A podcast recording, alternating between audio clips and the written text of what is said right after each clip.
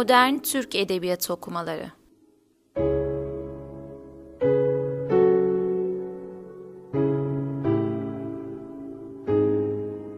Tarih, Kuram, Metin ve Antoloji.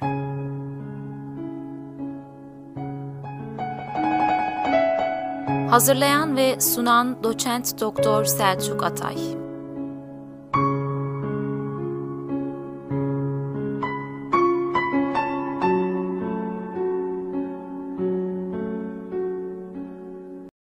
Modern Türk Edebiyatı okumalarına hoş geldiniz.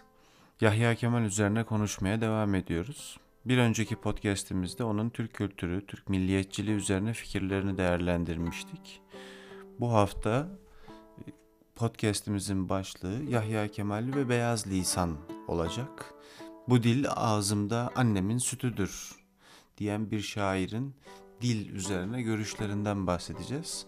Elbette burada e, temel kaynağımızın Selçuk Çıkla Hoca'nın yazmış olduğu aynı adlı makale olduğunu şimdiden söyleyelim. O makale ve onun etrafında Yahya Kemal'in de şiirlerini hatırlayarak e, podcast'imizi tamamlayalım. Yahya Kemal'e göre şiir meselesi her şeyden evvel bir dil meselesidir. E, şiir de dille yapılan bir sanat olduğuna göre şair burada orijinal olmak istiyorsa, başarılı olmak istiyorsa her şeyden evvel dile hakim olabilmeli ve dili diğer sanatkarlardan farklı, daha orijinal, daha kendisine has bir biçimde kullanabilmeli.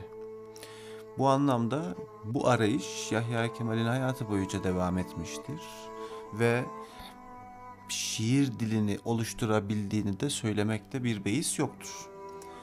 Mallarme'nin ünlü ressam arkadaşına yaptığı bir tavsiye vardı biliyorsunuz. Azizim şiir fikirlerle değil kelimelerle yazılır. Paris'te bunun ne olduğunu düşünen sanatkar hayatı boyunca bunun üzerine düşünmeye devam etmiştir ve şiir dilini aramıştır. Yahya Kemal'in şiir dilini anlayabilmek için onun en belirgin özelliklerden özelliklerinden biri olan sentezciliği üzerine de durmak gerekir. Beyaz lisan yaklaşımı da bu sentezcilik üzerine temellendirilecek aslında. Bu terim Fransız edebiyatında kullanılmış bir terim değil diyor Selçuk Hoca evvela. Beyaz sözcüğü üzerinde de duralım diyor. Burada İnce Engün'ün hocanın söylediklerini hatırlatır bize Selçuk Çıklı Hoca. Dil için beyaz sıfatını kullanan ilk şahıs diyor. Ömer Seyfettin'i gösteriyor bildiğiniz üzere İnce Engün'ün. Ancak e, Ömer Seyfettin'in 11 Nisan 1911 tarihli Genç Kalemler dergisinde yayımlanan o yeni lisan makalesindeki beyaz sıfatı hem şiir için değil nesir için kullanılmıştır hem de bu sıfat lisanla bir arada kullanılmamıştır.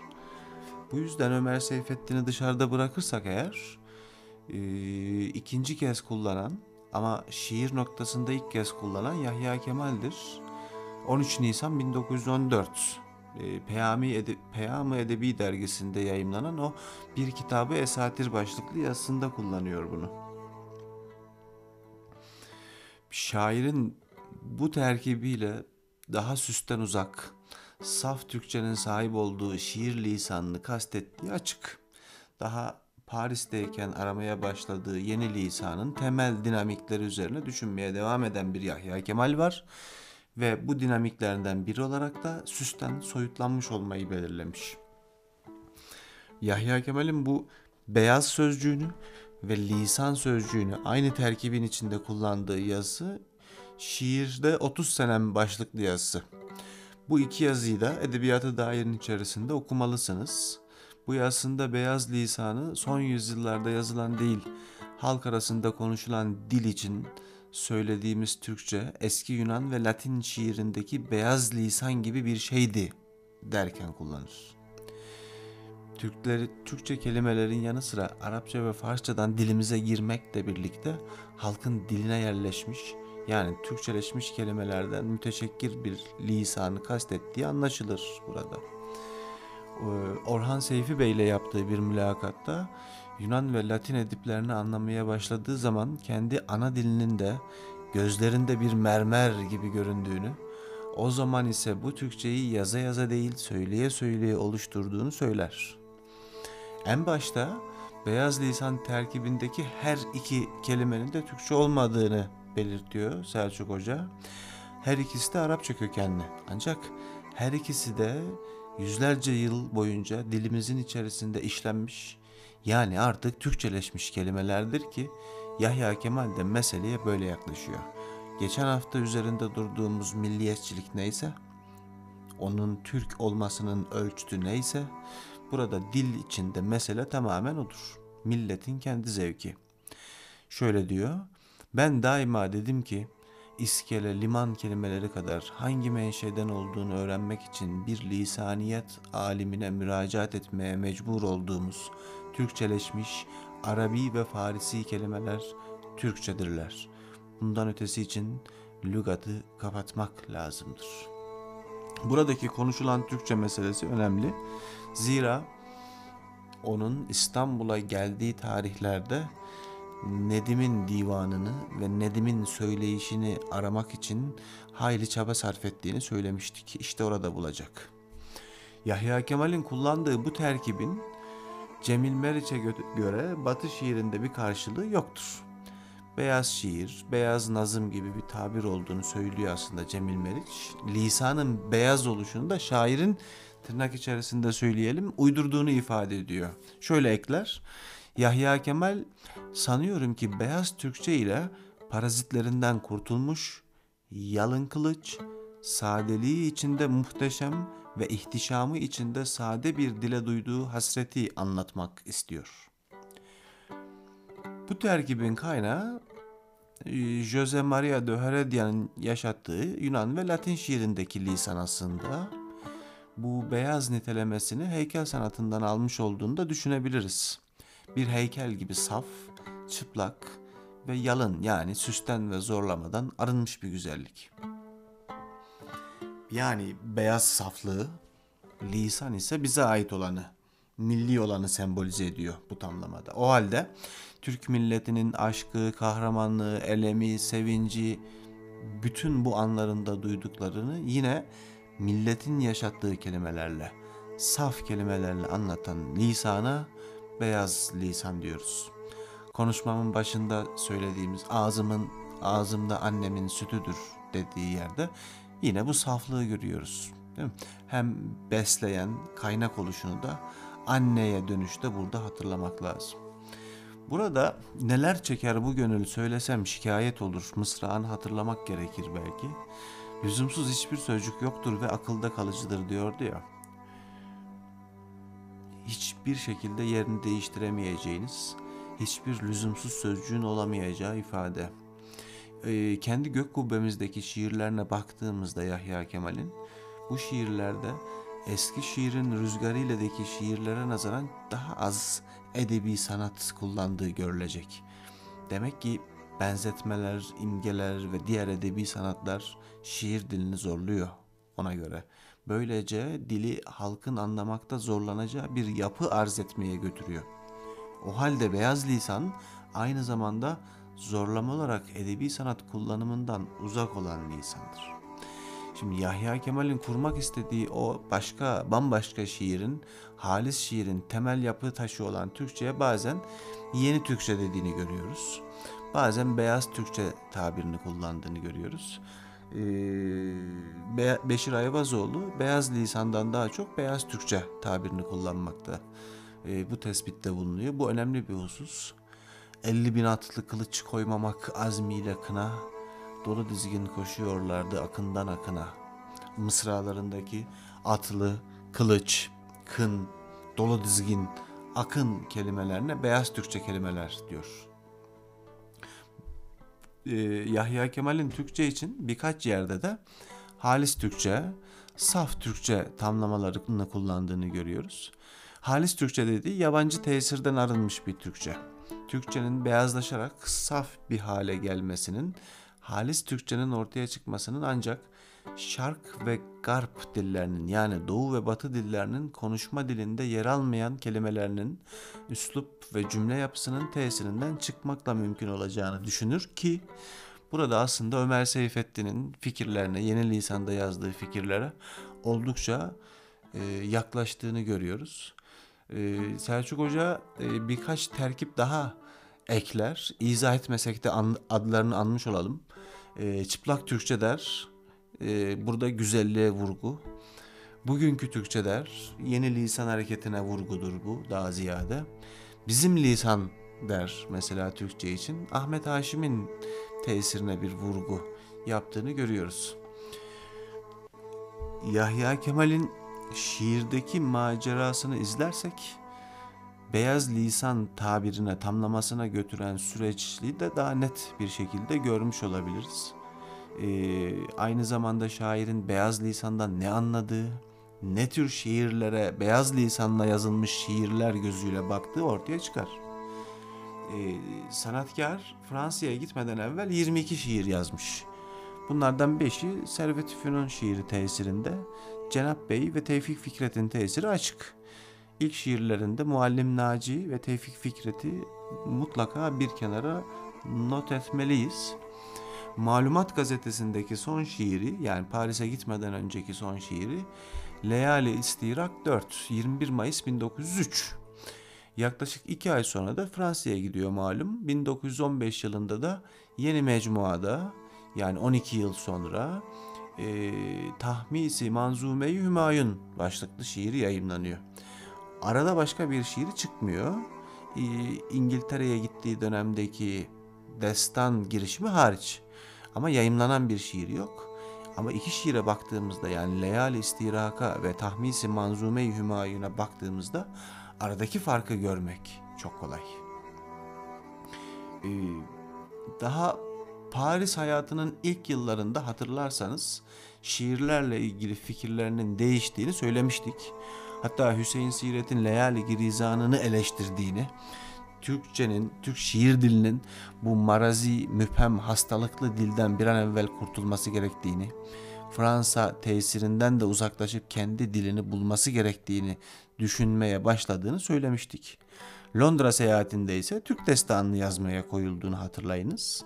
Canavarlar kaçıyormuş gibi gür bir doludan veya şehzüvarını kılıç koymamak azmiyle kana dolu dizgin koşuyorlardı akından akına gibi dizeleriyle birlikte beyaz lisan düşüncesi aslında belli ki daha Türkiye'ye dönmeden evvel onda yerleşmiş. Her ne kadar Türk destanını yazamasa da bu mısralar onda yeni bir Türkçenin, Türkçe değişin daha doğrusu habercisi niteliğindeki mısralar. Özellikle de 1907 yılında tanıştığı şairle bu mısralara iyice yaklaşmış. Yaklaşık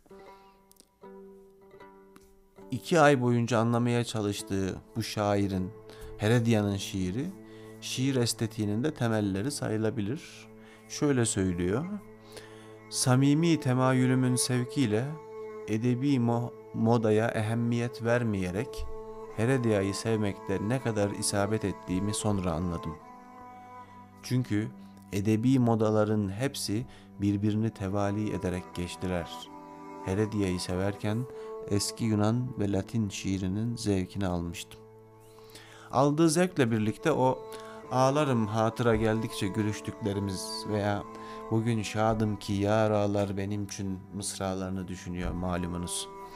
Yahya Kemal ve öğrencisi Tanpınar'ın beyaz lisanla yazıldığına inanarak verdikleri pek çok mısranın her birinde dikkat ederseniz Türkçe kökenli olmayan sözcüklere rastlarsınız. Onlar şiiri ne bütünüyle Türkçe olan ne de olmayan sözcüklerden oluşan bir mürekkep varlık olarak kastetmiyorlar. Türkçeleşmiş sözcük. Bize lazım olan o. Bu meselenin detaylarını aslında Yahya Kemal'in yanı başından ayrılmayan Nihat Sami Banarlı'nın Türkçenin Sırları adlı eserini de okuyarak keşfedebilirsiniz. Ee, daha evvel öğrenciliğimizde hocalarımızın zorunlu tuttuğu bu kitabı e, tam da üzerine durduğumuz bu bölümü anlamamız için son derece önemli olduğunu söyleyelim. Aslında Nihat Sami Banarlı'nın bir kitabıdır ama sanki konuşurken Yahya Kemal konuşuyormuş veya onun fikirleri daha değerli toplu ifade ediliyormuş gibi hissedebilirsiniz. Tavsiye etmiş olalım. Türkçenin sırlarını. Yahya Kemal Paris'teyken aramaya başladığı şiire yani Halis şiir adını verdiği bu şiire yeni bir dil ile ulaşılabileceğini aslında kısa bir sürede anlıyor. Şiirde halisliği arzu ediyorsanız önce bunu dilde halis bir şey, şekle getireceksiniz. Ee, özellikle de eski şiirin rüzgarı ile adlı kitabın içerisine giren şiirleri bu doğrultuda değerlendirmek iktiza eder. Mesele çünkü doğrudan doğruya dildir. Dil felsefesinin içine girmeden çıkılamayacak olan bu cümleleri şimdilik bir virgül ile geçiştirmiş olayım. Sonrasında yine üzerinde duracağız. Ee, ama e, virgülün içerisine iki virgülün arasına konulması gereken ibare ise eskinin yeni olanda yeniden ortaya konulması olacak. Yani doğrudan doğruya eskiye yapışıp kalan, onu bugün de kullanan, taklit eden, yeniden kullanan bir şairden bahsetmiyoruz. Modern olanın içerisinde değişip dönüştürüyor. Bergson dersinde belki ifade edebileceğimiz elan vital dediğimiz şey tam olarak bu. Bu milletin hayat hamlesi olarak görüyor bunu. Meseleye o iki virgül arasını şimdilik böyle değinmiş olalım. Bu hususa girmişken bir de e, insiyaki bir hatırlatma belki de divan şiir olarak şair olarak kabul edilmesine Yahya Kemal'in belki de kimilerinin iddia ettiği gibi divan şiirinin son temsilcisi olarak anılmasına da kısaca değinelim.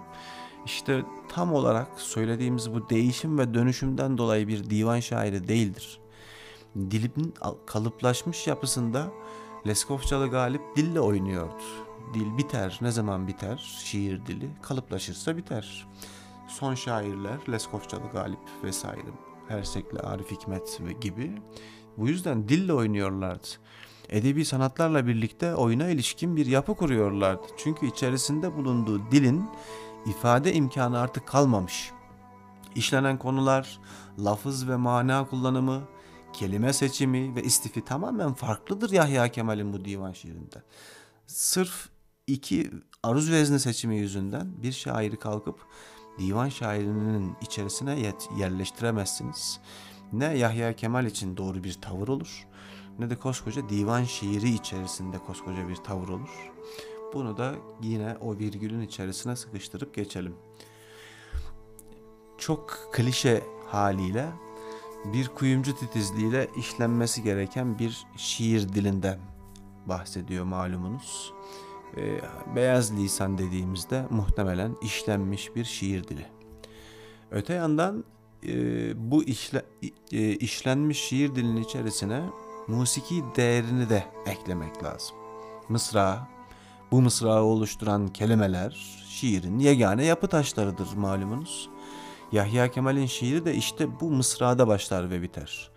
Onun için her mısrağı bir berceste şeklinde söylemeye çalışıyor. Ee, hem anlamın yoğunluğunu hem de musiki değerini görüyoruz. Vezin gibi, kafiye gibi tercihleri bu musikiyi yakalama gayreti aslında. Ee, unutmamak gerekir ki eski şiirimizde mısrağı bercesteler cazibelerini manadan çok lafzın gücünde alırlar. Yahya Kemal de bu yüzden manadan çok lafza yani onların musiki değerine önem vererek işe başlamıştır. Manayı geri plana attığını veya öncelemediğini söylemiyorum ama işe başlama musiki değerine önem vermekle oluyor. Bu şiirde bir dil aramak meselesi beyaz lisanla ulaşılabileceğine inanıyor. Aradığı şey aslında meseleyi çok dallanıp budaklandırmamadan da söylemek lazım. Aradığı şey doğrudan doğruya saf şiir. Şairi saf şiire ulaştıracak olansa saf dil. Saf dil dediğimizde işte bu beyaz lisandan veya beyaz Türkçeden başka bir şey değil. Poesi pür dediği o saf şiiri ararken de iki şeye dikkat ediyor. Bir, az evvel ifade etmeye çalıştığım Türk milletinin kalbine sinmiş sözcükler. İki, bir de Türk milletinin sokakta evde söylediği eda. Burada da işte o Nedim'den beri gelen kısma deva, e, hatırlamamız gerekecek. Onu incelemesini. Ses başlıklı manzumesini hatırlayın. Ya Rab ne müsavatı ne hürriyeti ver. Hatta ne o yoldan gelecek şöhreti ver. Hep neşve veren aşkı terennüm dilerim. Ya Rab bana bir ses yaratan kudreti ver. Dua.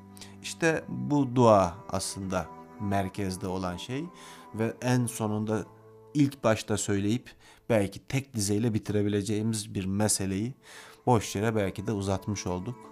Ya Rab bana bir ses yaratan kudreti ver.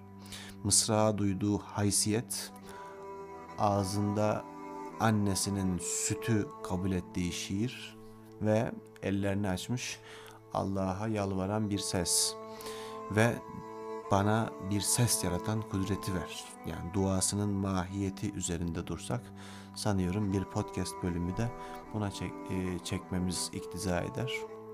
Evet böylelikle Yahya Kemal'in beyaz lisandan ne anladığını kısaca özetlemeye çalıştık. Haftaya yine Yahya Kemal üzerine yepyeni bir podcastle huzurlarınızda olalım. Şimdilik hoşçakalınız.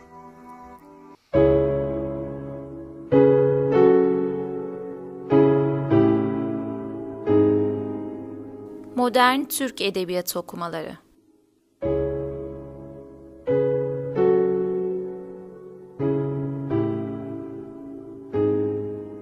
Tarih, kuram, metin ve antoloji.